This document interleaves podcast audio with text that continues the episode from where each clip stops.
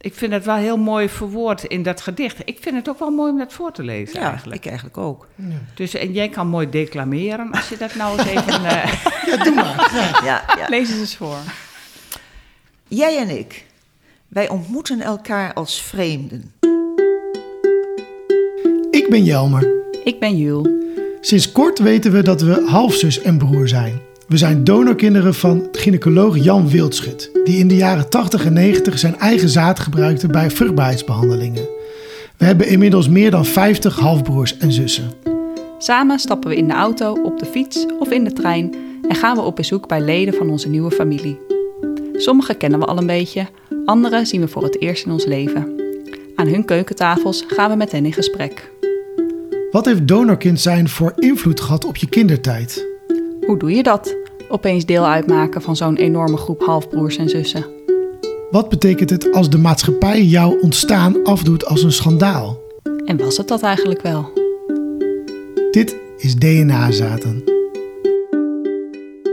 Hallo moeders. Hallo. Ik zit met mijn moeders aan tafel, Carla Ja. en Ja. Mieke. Welkom bij ons in de podcast. Super spannend, maar ook heel leuk dat we met jullie eh, gaan praten. En dapper ook. Nee.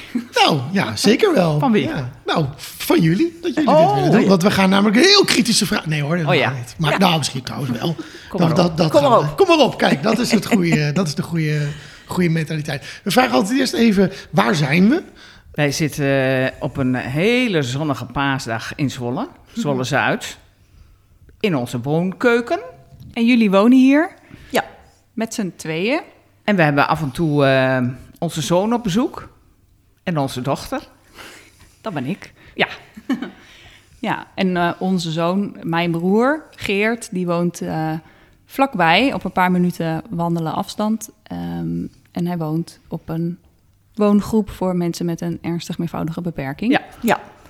En hij Wat- komt eh, om de week, geloof ik, thuis. hij komt in om het de week weekend. thuis. Dus jullie hebben hier in huis nog een hoog-laag bed met een tent erop, zodat hij er niet uit kan. En eh, Ja, en Zijn een kamer. stretcher in de douche. ja, Dat ja, we kunnen douchen. het is hier allemaal gelijk vloers, Allemaal geen gelijk drempels. Ja. Ja, ja zo is Maar het. inderdaad, dat is een beetje de locatie waar we zitten.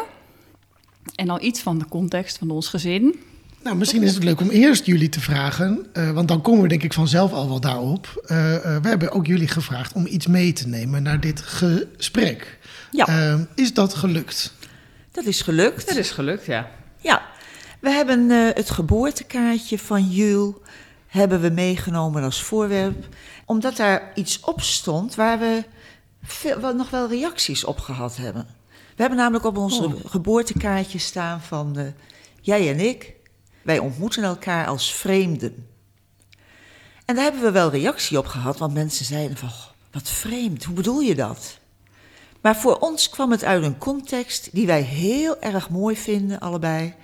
En die eigenlijk wel een beetje eh, staat voor de manier waarop wij aan kinderen zijn begonnen. Hoor ik daar meteen al een beetje in doorklinken dat je dus... eh, dat het feit dat ik van een anonieme donor ben... dat dat ook een beetje de vreemde is of zo. Dat je denkt, ja, wat voor kind krijgen we eigenlijk? We weten het voor de helft niet. Nou, eigenlijk, eigenlijk we, ontmoeten jou als gedeeltelijk een vreemde. Kijk, als je een gezin met man en vrouw hebt, dan weet je dat je dingen wel zult herkennen, of van de een of van de ander. Maar nu was er dus een deel, is dan onbekend. Dus dat kennen wij geen van tweeën. Ja, en ik denk dat eh, het op dat moment nog niet eens zozeer op de voorgrond stond, maar wel om ehm, als een soort startpunt aan te geven. Ik bedoel, wij zijn niet op zoek naar het vreemde geweest. Of zo. Hè, dat wil het niet zeggen. Maar we hebben ons wel ehm terdege gerealiseerd dat er een vreemde bij betrokken was geweest.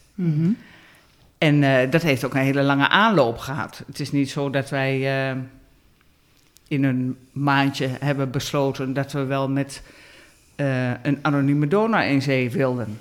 Nee. Maar het heeft een heel eh, een aantal jaren geduurd, dat hele proces. En eh, ik vind het wel heel mooi verwoord in dat gedicht. Ik vind het ook wel mooi om dat voor te lezen Ja, eigenlijk. ik eigenlijk ook. Dus, en jij kan mooi declameren als je dat nou eens even... eh, Ja, doe maar. Ja. Ja, ja. Lees eens eens voor. Ehm, jij en ik, Wij ontmoeten elkaar als vreemden, ieder een geheim in zich meedragend. Ik kan je niet zeggen wie je bent. Ik leer je misschien nooit helemaal kennen. Maar ik vertrouw erop dat je een persoon bent krachtens jezelf, vervuld van een schoonheid en waarde die de rijkste hulpbronnen van de wereld zijn. zijn. Zo. Dus doe ik je deze belofte. Ik zal je geen identiteiten opleggen, maar je uitnodigen jezelf te worden, zonder schaamte of vrees. Ik zal je recht verdedigen om een authentieke roeping te vinden. Voor zolang als jouw speurtocht duurt, heb je mijn loyaliteit. Zo. Ja. Ja, Ja. dat is toch een... Van- eh, Van daaruit zijn we begonnen. Ja. Ja, Dat is Ja. inderdaad even iets anders dan eh, oren, oren, oren. Er is een nieuw kindje ge- geboren. Wat je ook nog wel eens op... Ja, dat zie je er ook nog wel eens op kaartjes staan. Dit is wel echt een, een verhaal dat jullie meteen eh, meegegeven hebben. Ja. ja. ja en dat komt. Ja, we, we hebben er ook wel gewoon heel erg over nagedacht. Ik wilde heel graag kinderen. En ehm, we hebben toen een. eh, we, zijn, we zijn ook eh, bij een groep geweest in Amsterdam, een soort praatgroep van, van, twee, van moeders die kinderen wilden. En ehm, nou, om al die facetten eens te bekijken, ook de juridische kanten, maar ook het feit dat je geen eh, bekende donor hebt. We, we, we zijn trouwens in, van, eh, in de start begonnen met een bekende donor. Oh, Dat, moeten we eh, dit even iets gestructureerder gewoon van nu gaan we naar het verhaal? Ja, dat is oké. Ja, zullen we Ja. nog even... We pakken hem nog even, Ja. even opnieuw Ja. op. Want dat is Ja, wel ja, het maar dan maak ik ook eerst nog een grapje. Ja, doe even. Want jij, jij wilt even al iets zeggen. Ik ben een soort kindersurprise. Een surprise-ei, als je niet weet wat erin zit. Ja. Prachtig gedicht. Ehm, en zeker inderdaad in- met de kennis van nu. Zo kloppend ook Ja. met hoe het is gegaan en hoe het nu is. Kunnen jullie misschien ons iets meer naar het begin eh, meenemen? Hoe, hoe zijn jullie op een gegeven moment tot het idee gekomen... wij willen, wij willen kinderen krijgen en hoe is dat toen gegaan? Eh, ik wilde heel graag kinderen. Dat sowieso. Dat, en eh, we hebben het erover gehad. En ja, we- we- ik denk, me, Ik deed wel mee. Oké. Dat is fijn. Ja. Heel enthousiast. Ja. Ja. ja. ja. Nee, maar in de, in de eerste wens lag bij jou. Dat, dat is Ja. gewoon zo. Bij, bij Carla. Ja. Ja, en Ja. Mieke deed mee. En ik wilde ook heel graag zwanger worden. Maar dat lukte niet zo makkelijk. Ja, en dan zit je in de gelukkige omstandigheid dat je met twee vrouwen te maken hebt. Dus dat de ander het ook kan proberen. En dat Ja. hebben we gedaan. Ja, en heel even, even Ja. technisch, want je zei ook, ja, ik probeerde zwanger te worden, maar dat lukte niet. Er was dus blijkbaar op dat moment, waren jullie bezig met een donor. Ja. Ja, En wij- dat, dat, en dat was toen nog een bekende donor, denk ik. Dat was een bekende donor en dat was een vriend van mij. Eh, maar we merkten al vrij snel dat het heel erg lastig was, omdat hij vond kinderen ook heel leuk, maar hij wilde ook zijn aandeel in de opvoeding. En dat zagen wij niet zitten. Wij wilden zelf eraan beginnen en ook zelf de verantwoordelijkheid ervoor, ook zelf de schoolkeuze eh, hebben, want hij verschilde ook van achtergrond. En dat was wel erg anders dan onze achtergrond. En we wilden toch dat samen gewoon doen. Dat betekende ook dat we een ander pad moesten bewandelen. En, want inmiddels was de, de, de kinderwens eh, bleef wel sterk aanwezig. Nou, inderdaad, toen dachten we van, nou ja, dan ehm, kan ik eh, eh, kijken of ik ehm, zwanger kan worden. Toen hebben we ons eh, georiënteerd hoe en waar dat kon. En we waren ondertussen ook in gesprek met mensen die in, vergelijkbare omstandigheden zaten, waar we regelmatig naartoe gingen om ja, toch zo uit te wisselen wat het nou betekende. Als je gebruik maakte van een anonieme donor aan de ene kant en aan de andere kant als een kind zou opgroeien in een gezin met twee vrouwen. Toen hebben we wat eh, rondgereisd door Nederland. Want het was inderdaad zo dat je niet. dat een lesbisch koppel niet overal geholpen werd. Dus we, we zijn op zoek geweest waar dat zou kunnen.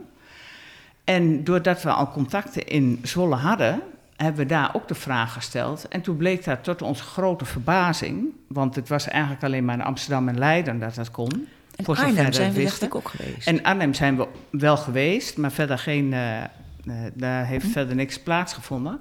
Maar zijn we in eh, het Sophia ziekenhuis eh, beland. Ja, Ja, want weet u daar iets van? Jan, Jan Wildschut eh, deed dit, was daarvan, eh, wilde hij dat inderdaad, eh, vond hij dat prima? Hebben jullie daar met, met, met hem over ge- gesproken?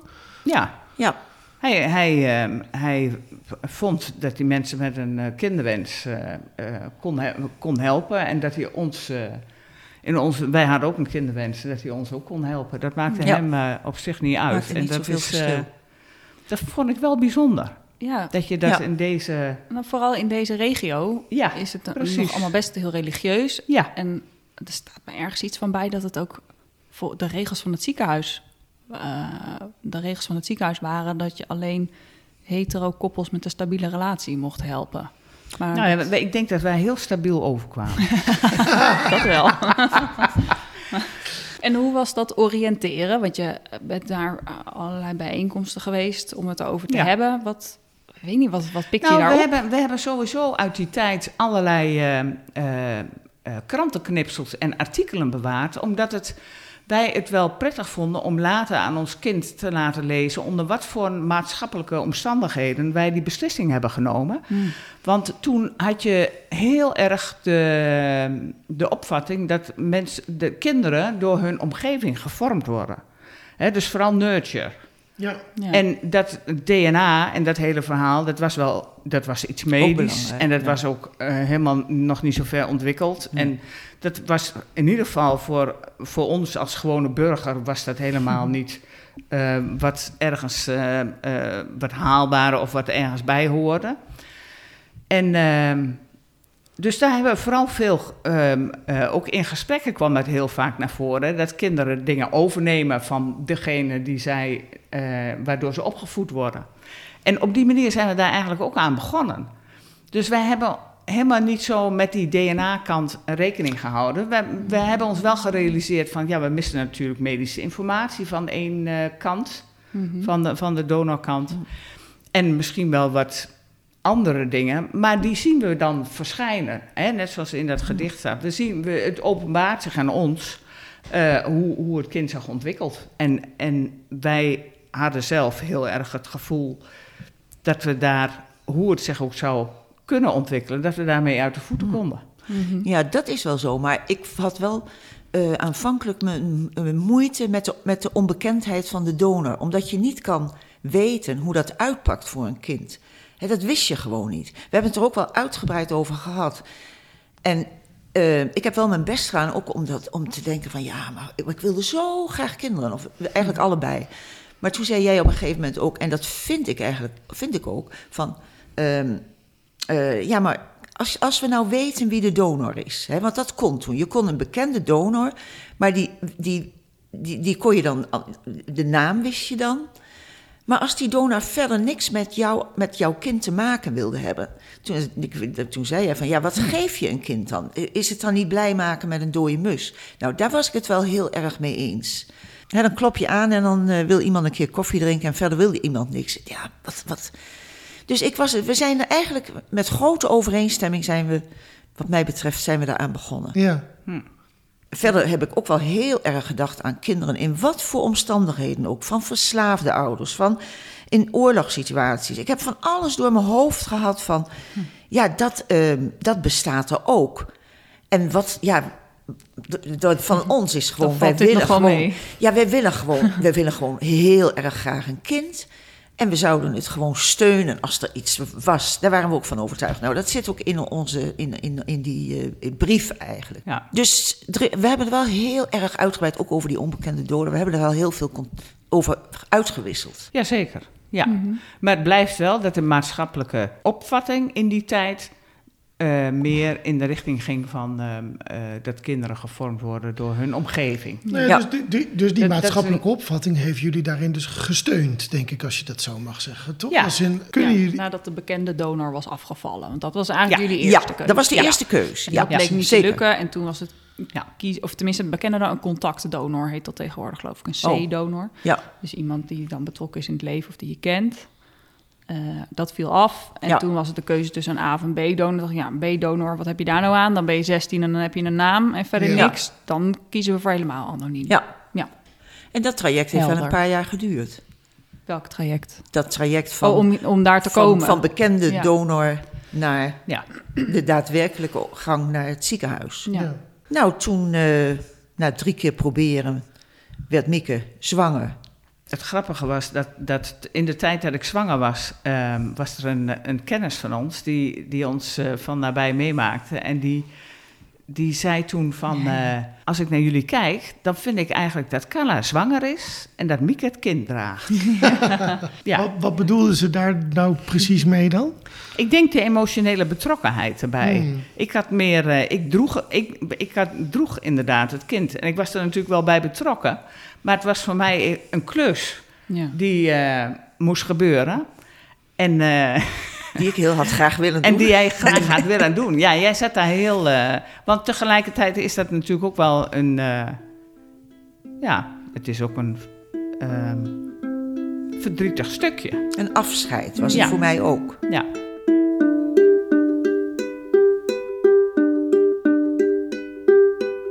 Nou ja, en op een gegeven moment eh, stormde jij eruit. Nou, Nou, zo kan je het wel zeggen. Waarom, waarom verbaast mij dit?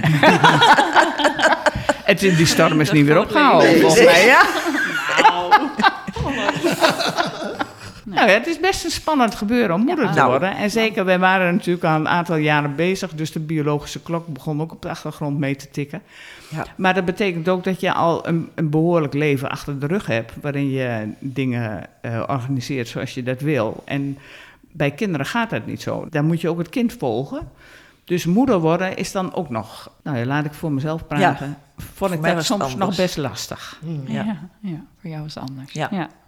ja. Nog Zoals even, altijd, hè?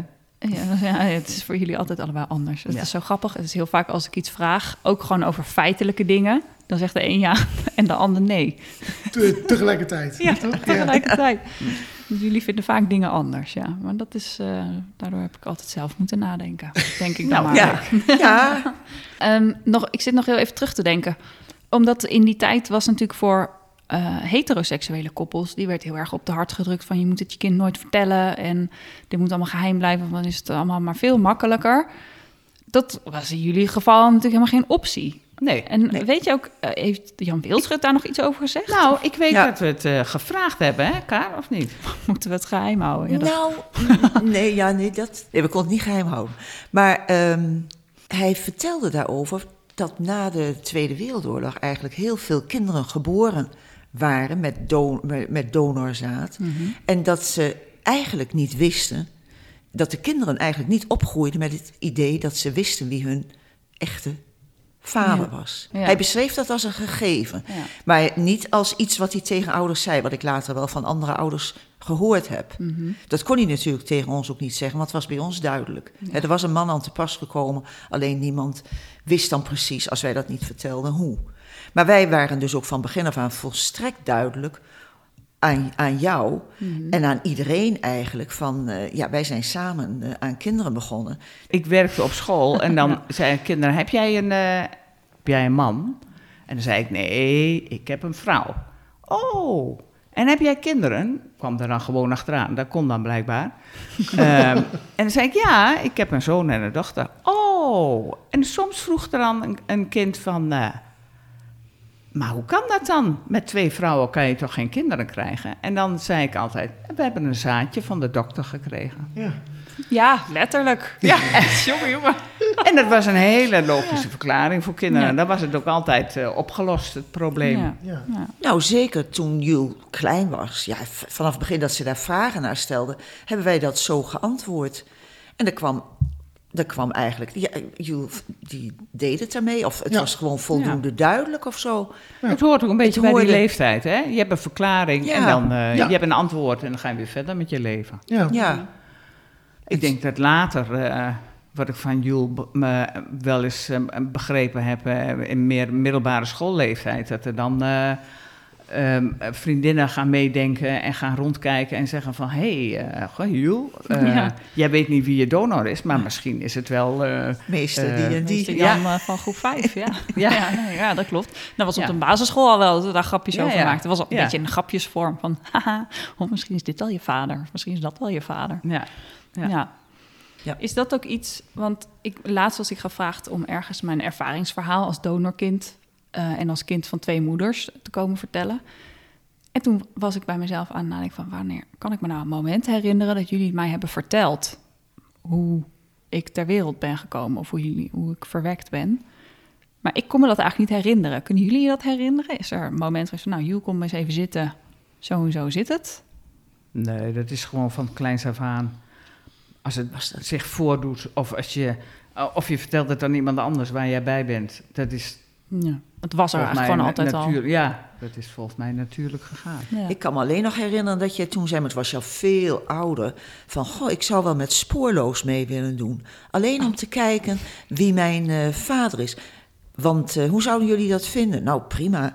Maar ze zegt, ik wil niet meedoen met een televisieuitzending. Nee, oh ja, ik dacht, waar heb je het nou over? Maar er was toen, er was toen kwam een programma Wie is mijn vader? Ja. Ja, Ja. Oh, Ja. En toen dacht ik, oh nou, dit is wel een mogelijkheid. Maar dan moest je inderdaad ook op tv. En daar had ik niet zo behoefte aan. ja dus toen dacht ik van, nou, valt nog wel mee met die eh, drang om daar echt naar op zoek. eh.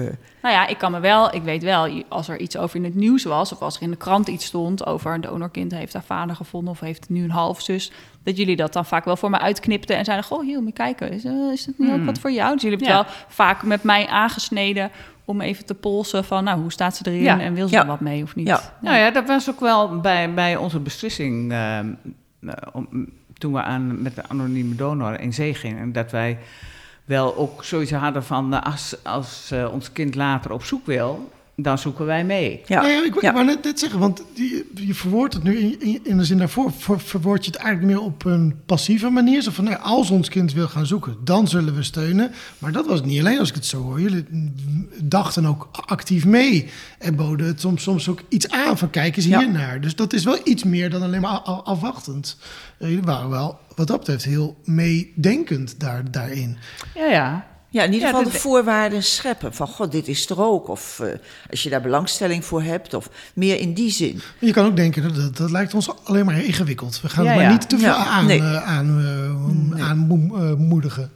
Nee, maar Nee. Voor, voor mijn gevoel moest het wel open liggen. Ja, Ja. Hè, anders wordt het misschien een beetje taboe. Of dan laat je het heel erg aan, aan, aan het kind of aan Jules over om erover te beginnen. En dat zou ik ook vervelend gevonden hebben. Misschien, Want dan, dan, dan neemt Jules de verantwoordelijkheid voor haar situatie. Ja, ja. net zoals we, ja, dat is weer iets, maar net zoals we ook altijd gezegd hebben: van als kinderen vragen aan jou van wie is jouw vader of zo, of wat raar, heb jij geen vader? Dat we ook altijd zeiden van, zeg maar, vraag maar aan mijn moeders. Hè, omdat je het ook een beetje weg wil halen. Dat je niet wil dat, die, dat zij daar eh, problemen mee, dat zij iets moet uitleggen wat wij begonnen zijn, zeg maar. Daar waren we wel alert op. Als jullie dat zo vertellen, vraag ik me bijvoorbeeld ook af. eh, jullie hebben nu best wel ook veel, veel contact met andere ouders van eh, onze halfbroers of zussen.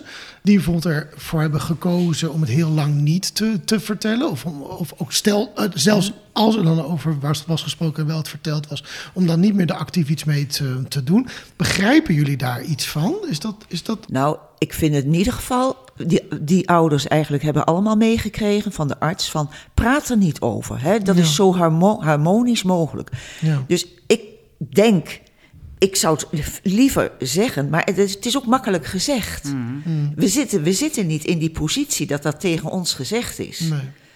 Dus Ja. dat, dat. Ja, ik heb respect voor al die ouders die het op hun manier gedaan hebben. Want het is heel moeilijk om, om, de, om daar een, een oordeel of zoiets over te hebben.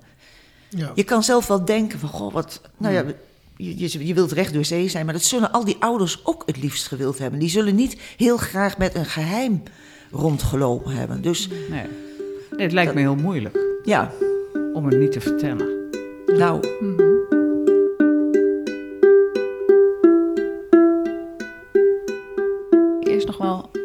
waar ik eerst nog wel nieuwsgierig naar ben, is tijdens het opgroeien.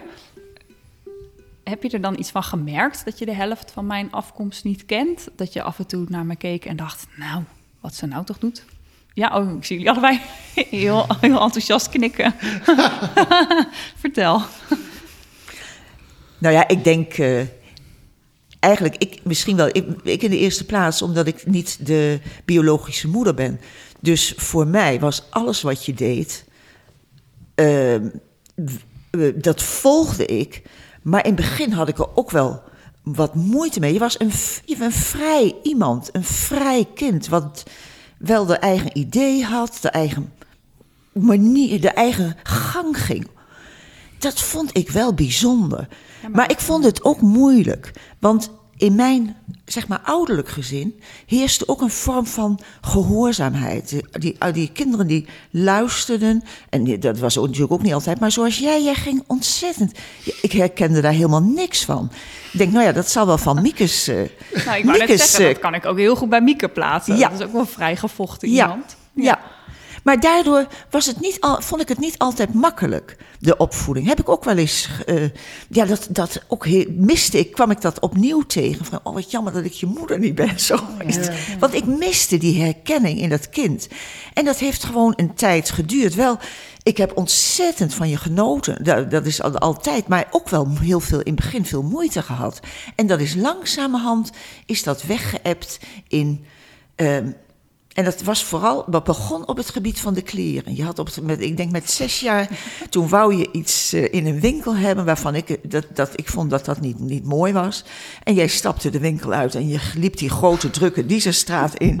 Ik denk, nou die komt wel weer terug, maar ze kwam niet terug. Dus ik als een haas die winkel uit, als een haas kijken waar je was gebleven en erachteraan rollen.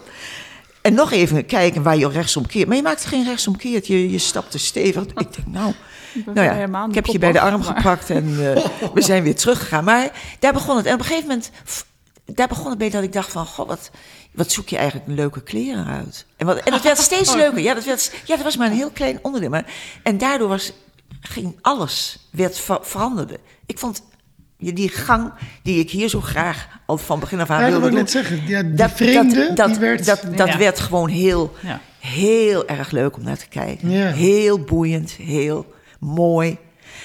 Maar Maar daarvoor was, was best een moeilijke tijd. Ja. Want ik snapte wat eh Jules wilde. Die hoefde maar even en denk, oh, wacht eens even. Dat, dat kwam mij bekend voor. Er kwamen mij dingen bekend voor. Dus ik haakte daar ook op in. Dus er is wel een periode geweest dat wij wat makkelijker contact hadden over dingen dan tussen Carla en jij. Ja, En dat is lastig als je dat als ouders hebt. Hoewel ik me ook kan voorstellen dat je als je vader en moeder bent, heb je ook al allebei Ja. je eigen dingen. Ja. Nou ja, dat herken ik wel een beetje. Ik kan me niet meer herinneren van dat ik een heel jong kind was, maar wel in de puberteit. Dat ik eh, gewoon met jou, Carla, iets minder lekker. We begrepen elkaar iets minder goed of zo. En aan Mieke, dan kon ik, had ik aan een half woord genoeg. Dan kon ik iets zeggen en dan wist jij wat je met me aan moest. En Carla had dat niet zo. En dat, ehm, in een man-vrouw gezin kan je dan nog zeggen... oh, maar ik ben ook gewoon echt een moederskindje. Ja. Dan kan je het een beetje daaronder wegstoppen. Ja. En ik dacht, ja, ik kan dat niet. Bij mij is het is meteen heel persoonlijk. Van, nou, Ja. met jou, met die moeder lukt het wel... en met die andere moeder lukt het nu niet. En dat vond ik best wel lastig. Want ik dacht, het is ook heel... Ja, je kan het niet meer onder de sociale rol schuiven, zeg maar. Het komt dan echt neer op de persoon. Maar, wil ik daar wel meteen aan toevoegen... dan had ik het dan soms met vriendinnen over... van nou, eh, met Carla, eh, eh, zat ik daar een beetje over te mopperen. Nou, dan hadden zij precies hetzelfde met hun moeder. Ja. dus dat maakt... Toen Ja. ik ook, ja, wat, maakt, het nou, maakt het nou ook echt uit... dat we niet biologisch aan elkaar verwant zijn? Of is dit ook gewoon wat je hebt als puber... dat het gewoon af en toe niet botert? Ja. net zoals jij op een gegeven moment mee ging doen met een of ander... eh, in Groningen was er zo'n zo'n soort eh, lezing met... eh, nou, dat was een of andere meneer Hoksbergen. En dat, die kenden wij wel als een, iemand die vrij streng dacht... dat een kind altijd een vader en een moeder nodig had. Nou ja, en toen kwam jij terug en toen had je zo, kwam, kwam je terug met zo'n prachtig verhaal. Dat ik dacht van, goh, wat heb je dat mooi, eh, je hebt wat gezegd. En je, je hebt het ook nog prachtig verwoord. Ik weet dat, dat, dat, dat hij op een gegeven moment zei dat een kind altijd een vader en moeder nodig had voor die opvoeding. En eh, dat je op een gegeven moment aan het eind eh, daar iets van gezegd hebt. Van nou ja, ik heb twee moeders. En ik herken in de ene herken ik dit. En in de andere herken ik dat. En wat ik niet herken, dat heb ik van mezelf. En dat vond ik zo'n leuk antwoord. Ja, dat klopt. Dat heb ik toen inderdaad gezegd. Maar ik denk wel, moet ik wel meteen aan toevoegen met de kennis van nu. Ik weet wie mijn donor is en wat meer over zijn persoonlijkheid. zijn eigenlijk geen dingen meer waarvan ik denk, die kan ik bij niemand plaatsen. Ik kan het nu allemaal, ik heb, ik, ik heb niks meer van mezelf. Nee, ja, kijk. nee, maar, nee, maar ik kan nu gewoon... Dat heb je dan weer ingeleverd. Ja, ja. Maar, nee, maar ik kan nu Ja. wel plaatsen. Ja. Oh ja, dit heb ik Ja. van Mieke en dit heb ik van Jan Wildschut. En dit heb ik vanuit de opvoeding meegekregen van Carla. Ja. Daarin zijn... eh, er waren geen vraagtekens, maar het is wel bevestigd in waar het vandaan komt. Dus dat is, ja... Ja. Ik ben er toch een, een beetje anders over gaan denken in hoeverre DNA Ja. van belang is. Kijk, dat, Ja, dat ja. je zonder man in je leven kan opgroeien, daar ben ik helemaal van overtuigd. Dat, eh, die man heb je niet nodig. Maar, maar dat je, eh, dat je DNA-herkomst wel degelijk van invloed is, dat heb ik wel onderschat, denk ik, voordat ik de info had die ik nu heb over Hmm. waar ik vandaan kom. Ja. Ik moet ook zeggen dat ik het een cadeau vond dat de donor bekend werd. Het feit dat het de dokter is, dat vind ik niet goed. Maar ik ben wel heel blij dat je, eh, dat jij met die, dat, je dat bek- bekend is geworden. Hè, dat, je dat, dat je dat laatste stukje hebt kunnen toevoegen voor je leven. Dat vind ik heel erg mooi. En daarmee ben ik gewoon hartstikke gelukkig. Oh, wat mooi. Dat wist ik eigenlijk helemaal niet dat je er zo naar kijkt. Maar, ja, ik snap het wel. Het, ja, tussen aanhalingstekens maakt misschien een beetje goed van jullie keuze dat je er niks van weet en nu weten we er toch wat van of zo. Nou, het is voornamelijk naar jou gericht, want ik heb, ik heb nooit spijt gehad van die. Hoe moeilijk het, ik het ook vind, ik heb daar geen spijt van gehad. En je hebt wel eens gevraagd: zou je het nog, zou je het weer opnieuw doen? En dan denk ik: ik, ik zou het opnieuw doen. Ja, ja, je kijkt er gespannen bij. Ik vind daar wel wat van. Ja, dat weet ik. Ja, Ja, ja, ja. Ja, ik denk met, hoe- met alles wat ik er nu van weet. Ja. En weet je, in ons geval is het heel goed gegaan. Ik heb daar geen last van gehad. En ook nu heb ik daar geen last van. Ik vind het wel, ik vind het vooral heftig om zoveel halfbroers en zussen te hebben en om in een mediaschandaal terecht te zijn gekomen. Ehm, maar met het hele zijn van een donorkind heb ik geen moeite. Maar ik hoor wel omheen hoe dat voor sommige andere donorkinderen heel anders is. En dan denk ik wel, ja, als je de keuze hebt om het te doen met iemand die je kent en die gewoon in het leven van het donorkind aanwezig kan zijn, dan is dat denk ik wel het allermooist. En dat betekent niet dat hij moet meebeslissen over naar welke school het kind gaat of dat, hij, dat je elke weekend er naartoe gaat, maar dat je de mogelijkheid hebt of dat je gewoon weet wie het is en dat er contact mogelijk is als dat kind dat wil. Of dat je dat in het begin zelf initieert en dat je dan op een gegeven moment kijkt van nou, waar liggen de behoeftes. Maar dat had ik ook meer Ja. ideaal gevonden. Ja. Alleen, je beschrijft nou al een heleboel dingen. Die, Ja, nee, die er die gewoon jullie niet, niet hadden. waren. Nee, hè? Die, die, nee. die eensgezindheid was. was eh, Nee, nee, jullie hadden die optie niet. Maar Ja, het, het zou ook best wel een, is een, een onderwerp moeten zijn, vind ik. Gewoon een maatschappelijk onderwerp waar je het over hebt. Gewoon net als hoe we bloed doneren, dat je ook tegen mannen kan zeggen: Nou, ga eens, eh, denk er eens over na om donor te zijn en in contact te zijn met dat kind in zijn leven. Of zo. Ja, Bedoel je dat? Ja. Zie, we hebben aan een half woord genoeg. Maar, ja, ja. Nou ja, ja, daar zit denk ik wel wat in. Nu is het vooral van denk er eens over na om je sperma te doneren aan een spermabank. En dan, eh, als het een kind 12 is, krijgt het wel wat informatie. En als het 16 is, krijgt het nog wat meer informatie. ja. Maar Nou, zo'n bekende ja, donor, dat je. gaat via, alleen maar via via. Nou ja, en ik snap wat je zegt. Een, een, een, kamp- een campagne misschien die er ook om, over gaat. Of kijk eens hoe, hoe mooi dit soort constructies kunnen zijn. Ja. En dat het helemaal niet per se eh, eh, heel erg moeilijk, lastig hoeft te, te zijn. Maar als je er goede afspraken met elkaar over maakt en het klopt, ja. eh, dat het dan een heel mooie constructie kan zijn. Ja. En die zijn er ook wel. hè? Jazeker, Er zijn ja. heel veel daarom ook, die vrouwen zijn en er. mannen die een pad daarin Ja, gevonden ja. hebben. Ja. Maar En je hoort er weinig ja. over. Nog even een klein stapje terug. Tijdens ons vorige gesprek vertelde je dat jullie in een gesprek met, met Beeldschut ook wel erachter kwamen door wat hij jullie vroeg. Dat, er, dat hij inderdaad ook een enorm gebrek aan donoren had. Klopt dat? Dat klopt, ja. Hij heeft wel, ehm, ja, hij vroeg ons of wij niet, eh, ja, er, er was zo'n groot gebrek aan donoren en of wij geen mannen wisten die mee wilden werken als donor, nou ja, om, eh, om, om zaad te leveren. Ja. Heeft hij En zo... dat, dat was echt van, dat wilde hij echt ontzettend graag. Hij, hij, wilde, ja, hij wilde mensen helpen en er was een groot tekort. Ja. Wat overigens heel opvallend is, want jij zegt dit nu, maar in dat rapport van Didi Braat staat dat er nergens iets bekend was over dat er tekorten aan donoren waren in die tijd. Terwijl iedereen dat wel altijd heel erg roept. Maar kennelijk is die onderzoekscommissie daar niet op uitgekomen dat er dus een daadwerkelijk tekort was. Maar hoe dat dan zit, geen idee. Nee, nou, in, in die praatgroep waar we deel van uitmaakten, was het ook was dat ook eh, gewoon een feit. Hm. Dat er weinig, eh, weinig eh, aanbod, zou ik maar zeggen, was. Misschien dat ze hebben gezegd er waren geen aanwijzingen voor tekort aan donoren, omdat er gewoon ook niks bijgehouden werd of zo. Dat Ja, ze het ja, niet kunnen dat bewijzen. kunnen. Dat ze daarom op dat zinnetje terecht zijn gekomen. Nou ja, weet ik niet. Ja, ik weet ook niet of je in die tijd daar zomaar een advertentie voor zette. Ja, dat werd volgens mij wel. Of dat gebeurde wel? Ja. Dat gebeurde wel, oké. Maar wel een beetje zo op van die, die, die, die achteraf plekjes in de krant op pagina Ja, 16, ja, eh, ja. rechts, rechtsonder, rechts Ja. onderaan. Ja, Het was niet bepaald een, lan- een landelijke Nee. campagne die erover ging, zeg Nee. maar. Dat niet. nee. Postbus 51. Nee, precies. Dat, maar hoe, ik ben nog wel benieuwd, hoe kijken jullie sowieso op eh, Jan, Jan Wildschut terug? Wat, wat, wat, wat, wat zijn nog dingen die jullie van hem weten of, of het kunnen eh, terughalen? Ja, ik vond het een hele prettige man. Gewoon in de benadering en in het contact dat wij met hem hebben gehad. En eh, ja, verder, als wij eh, langs hem konden komen, dan was het wel altijd een beetje na sluitingstijd. Zo, het had altijd wel een beetje, het ziekenhuis was verlaten. ja, dat is wat mijn, heel- mijn, mijn ouders ook nog inderdaad ja, kunnen herinneren. ja, dat je daar...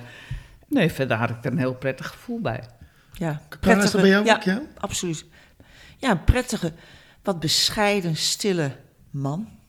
Niet van heel veel woorden. Rustig. Integer, vond ik toen. Hebben jullie eh, die prachtige tekst met dat geboortekaartje... Heb je nog een geboortekaartje naar hun gestuurd, naar het ziekenhuis? Nee. Kan me niet Dat, zeggen. kan, dat zou nog wel eens kunnen. Maar ik kan... Ik, ik, Dit bedoel je met ja? Ja, ik, kan Nee, me, ik, nou ja. ik zou me wel kunnen voorstellen dat we dat wel hebben gedaan. Maar ik heb daar niet actieve herinneringen aan. Oh. Dit vind ik dus soms wel ehm, moeilijk, dat jullie je hem voor de geest kunnen halen. Ja, Ja. Dat jullie kunnen terugdenken Ja. van, oh ja, Ja, zo ja. was die. Ja, En dat ik ja. dat niet kan, ja. omdat hij al Ja. is overleden. En ik heb foto's en ik heb drie pagina's aan levensbeschrijving. En daar moet ik het mee doen en dan moet ik een soort levend figuur uit reconstrueren. En daar kan ik dan wel een beetje jaloers op zijn. Dat jullie Hmm. dan Ja. zo weten, oh ja, zo liep hij dan. En zo kwam hij dan de kamer binnen en zo zei hij hallo. En ik weet dat gewoon niet. Nee. Nee. Dat vind ik jammer. Ja. Ja. ja, kan me voorstellen.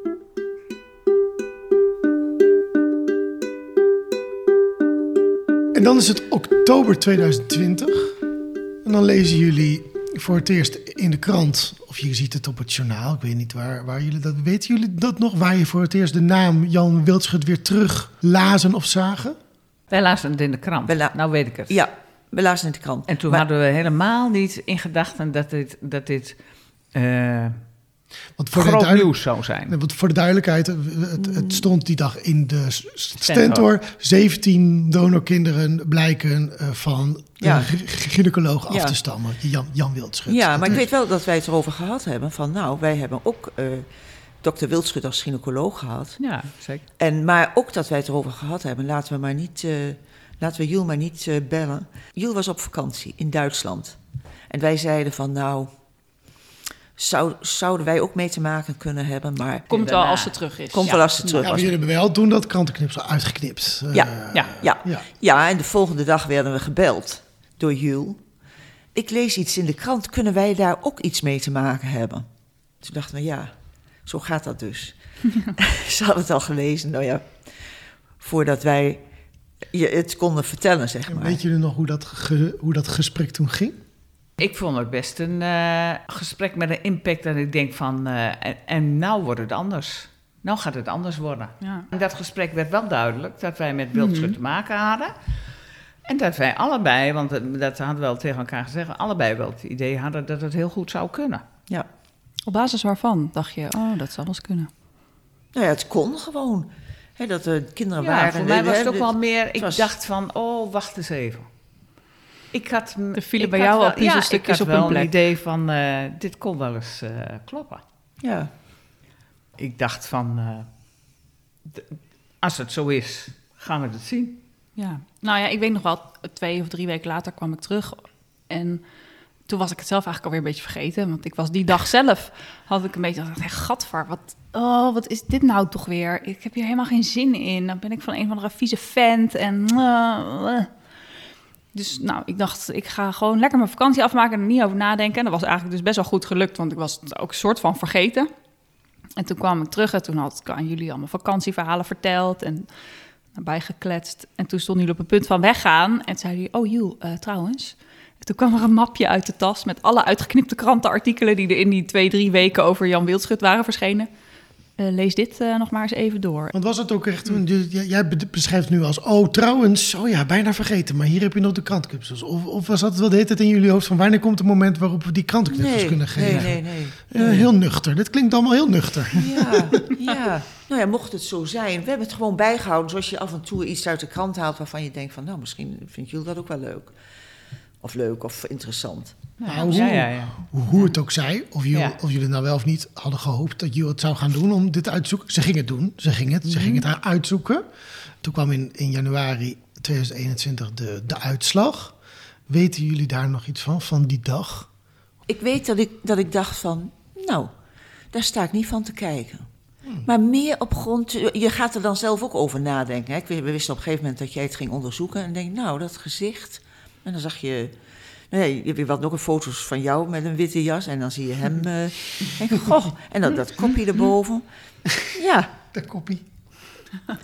Nou, het, voor, het was voor mij niet een verwondering. kooschappen gelopen. En ik had zelfs gewerkt in het Isola ziekenhuis. Ja, hetzelfde ja. ziekenhuis als mijn biologische vader. Ja. Nee, het, het, het, het, was niet een grote verwondering of zo. Hm. En hoe is dat dan voor jullie? Want het is jullie behandelend arts geweest. Jij bent door hem geïnsemineerd, Mieke. Kennelijk ja. met zijn eigen zaad. Ja. Roept dat nog bepaalde gevoelens op nee. bij jou? Dat je denkt, oh, bah. Nee. Nee? Nee. Nee. nee. nee, daar heb ik wel over nagedacht. Van, gewoon, zou het nou, zou het nou anders zijn? Nee, ik vind het echt... Wij, wij hadden uh, een onbekende donor. En dat is het voor mij altijd geweest. En nou blijkt achteraf dat hij dat is. Maar het maakt het voor mij niet anders dat het dan uh, wildschut is. We zijn nu twee jaar verder. We zijn, nou, pakweg 30 donorkinderen verder. We zijn casussen van uh, KIE-koppels verder. Ja, ja. Heeft dat iets aan dat beeld veranderd? Ik was daar heel verbaasd over. Ik kan dat niet, niet uh, rijmen met het beeld wat ik van uh, Wildschut had. Mm -hmm. Zoals ik hem meegemaakt heb. Ja, het, bij, bij, mij blijft ook het beeld staan van ja, een man die eigenlijk ontzettend graag hielp om mensen kinderen te krijgen. En dan denk je, ja, maar dat kan je niet volhouden met KIE. Nou, dat vind ik ook uh, verschrikkelijk. En ook wat het, uh, mm -hmm. waarvan ik uh, te, horen heb gekregen, ja, te horen heb gekregen, toch wel wat, hoe dat uitwerkt en hoe verschrikkelijke. Ja, ik vind het echt, dat vind ik echt heel ontwrichtend af en toe wat, wat mensen daarover vertellen. Ja, nou ja, ik, ik denk, dat denk ik van hem. Ik, ik, ik kan me niet iets anders, niet, wat, wat voor andere reden daaraan ten grondslag heeft gelegen om dat te doen. Nee. Ik vind het niet een man die zoveel mogelijk kinderen wil. Nee. Of uh, zo'n man vind ik het gewoon niet. Maar het, het feit ligt er natuurlijk. Maar het feit ligt het er en dat zo is. dat hij uh, grenzen overgegaan is. Absoluut, ja. Wat moreel uh, verwerpelijk is. Ja. Waar mensen heel veel pijn en verdriet van hebben.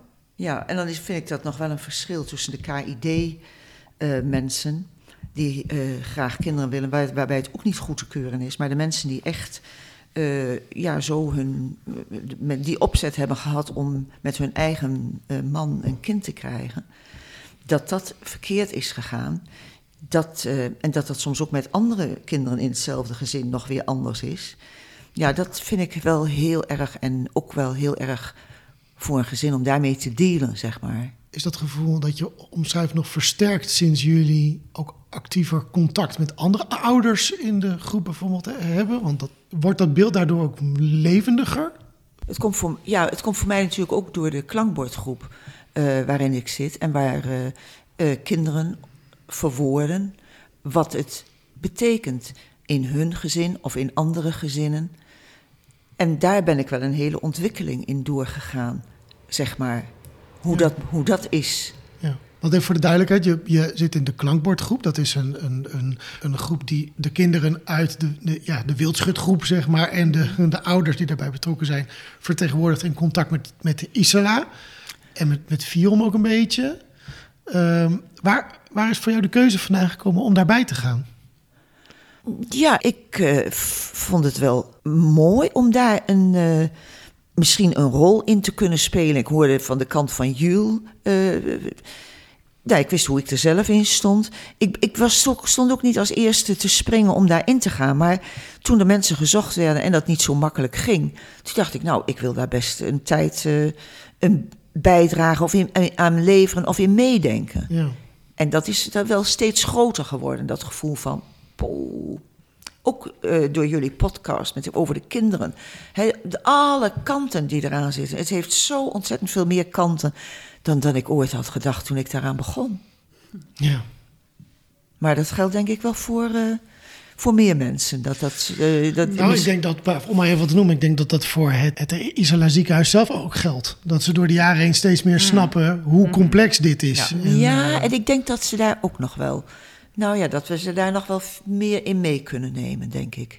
hmm, ja. Ik, ik vroeg me af waarom eigenlijk jullie het zo belangrijk vonden om hier aan mee te doen. Want wij hebben weliswaar natuurlijk jullie gevraagd, maar je had natuurlijk ook nee kunnen, kunnen, Ja. kunnen zeggen. Maar jullie zeiden volgens mij meteen ja. Nou, we hebben wel even nagedacht. Oh, of toch? we- ja, ja, het was niet, het was niet meteen ja. En ik kijk nu even naar, naar Nou, we Carla hebben- of Carla wel zegt ja, klopt meteen. Want dan hebben we weer een, Ja, eh, ja. Maar dat is niet het geval. Maar we hadden natuurlijk de voorgaande reeks eh, geluisterd, de alle podcasts. En ik vond het allemaal hele mooie verhalen. En ik had daar ook wel. eh, ik vind het dan ook wel belangrijk dat die informatie er is. Dat je dingen van elkaar, dat je wat meer weet van wat voor een invloed het heeft op ehm, eh, levens van mensen. Dus dat is voor mij wel een, ehm, een reden geweest.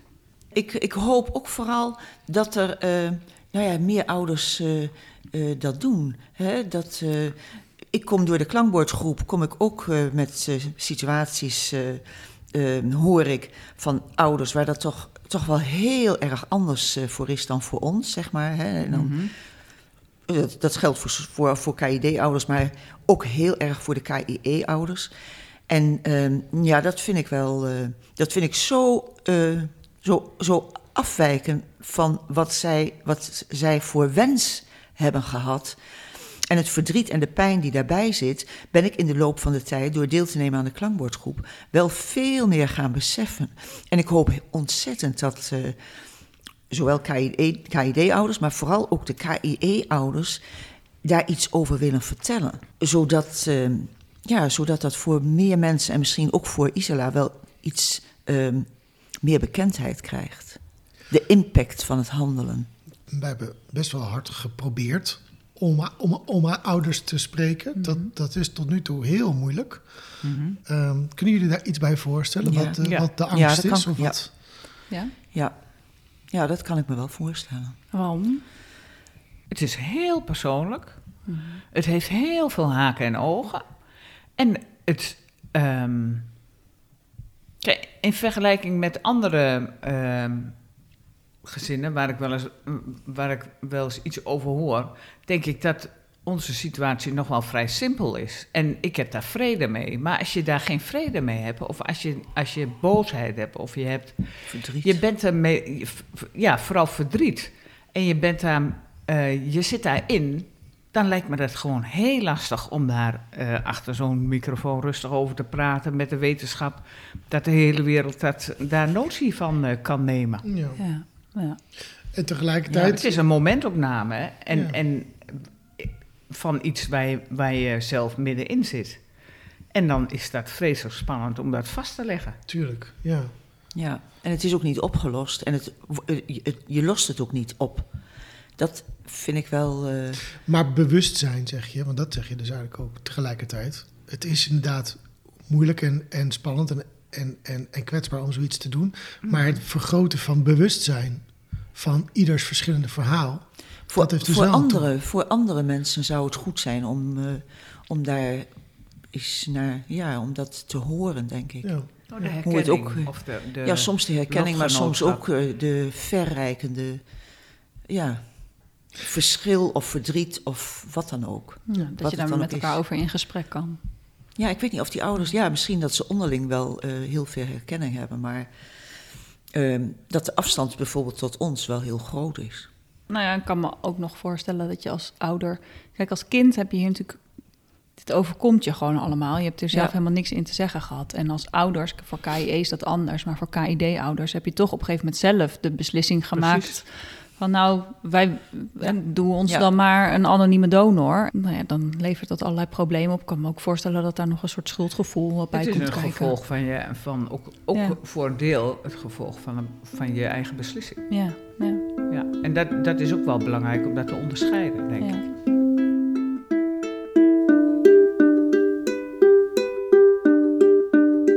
Ik ben altijd eh Wildschut nog wel heel erg dankbaar dat hij ons heeft geholpen. Mhm. En we hebben ook al eens gedacht van, dat moeten we de familie ook eens even laten Ja. weten. Dat we gewoon heel erg blij zijn met het Mm. feit dat hij ons geholpen heeft. Dat, Ja. dat hebben we nooit gedaan. Nee, Dat kan natuurlijk altijd nog. En eh, misschien wel eh, ergens ook heel. eh, is het voor jullie dochter misschien ook wel heel leuk dat er een enorme berg aan ha- ha- halfbroers en zussen bij, Hmm. bijgekomen is. Er zitten best leuke mensen tussen. Zegt hij Toch? of niet? met een grote grijns over zichzelf. Ja. Ja. nou ja, Ja, en, ja, ja. en wat ik eigenlijk nog even terugkom op, de, op ehm, eh, eh, Wildschut, dat we daar heel dankbaar voor zijn, vind ik het ook geweldig zoals de familie van ehm dokter Wildschut heeft gereageerd.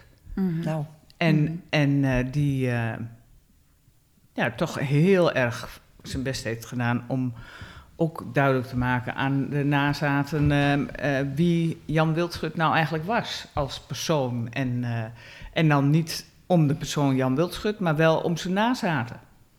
Ja, Dus dat zorg vind ik ook wel echt geweldig hoor. Ja, dat kan me goed voorstellen, ja. En daar, zo kijken wij daar ook op terug. Tenminste, ja. wij, ik mag niet Ja. nooit, nooit, ik, mag, ik wil nooit in wij spreken, maar in, in, ik, eh, ik ben daar ongelooflijk dankbaar voor. Want dat heeft heel veel Ja, goeds gedaan voor Dat dit hele verwerkingsproces. Dat ik, ja. hun deuren altijd voor ons open hebben Ja. eh, Ja. gestaan. ja, als ik zie wat Jules voor informatie heeft, denk Ja, ik nou, prachtig, nou, nou, zeker. dat is heel erg mooi. Ik vond het echt superleuk om hier te zijn. Ik heb gelachen.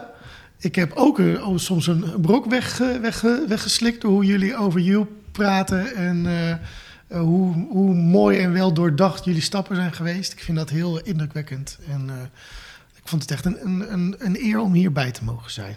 Dat wilde ik maar even zeggen. wat leuk. Dank jullie wel, moeders. Graag gedaan.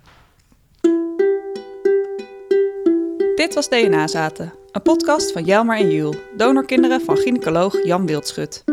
Wil je ons steunen? Ga dan naar vriendvandeshow.nl slash dnazaten. Ben je op zoek naar verdieping? Lees dan de roman Kit, KID, die Jelmer heeft geschreven over zijn verhaal en die je kan vinden in de boekhandels. Heb je behoefte aan meer informatie? Kijk dan op de websites van FIOM, Stichting Donorkind en het landelijk informatiepunt Donorconceptie. De linkjes vind je in de show notes en op dnazaten.nl. Wil je ons volgen? Kijk dan op Instagram, dnazaten.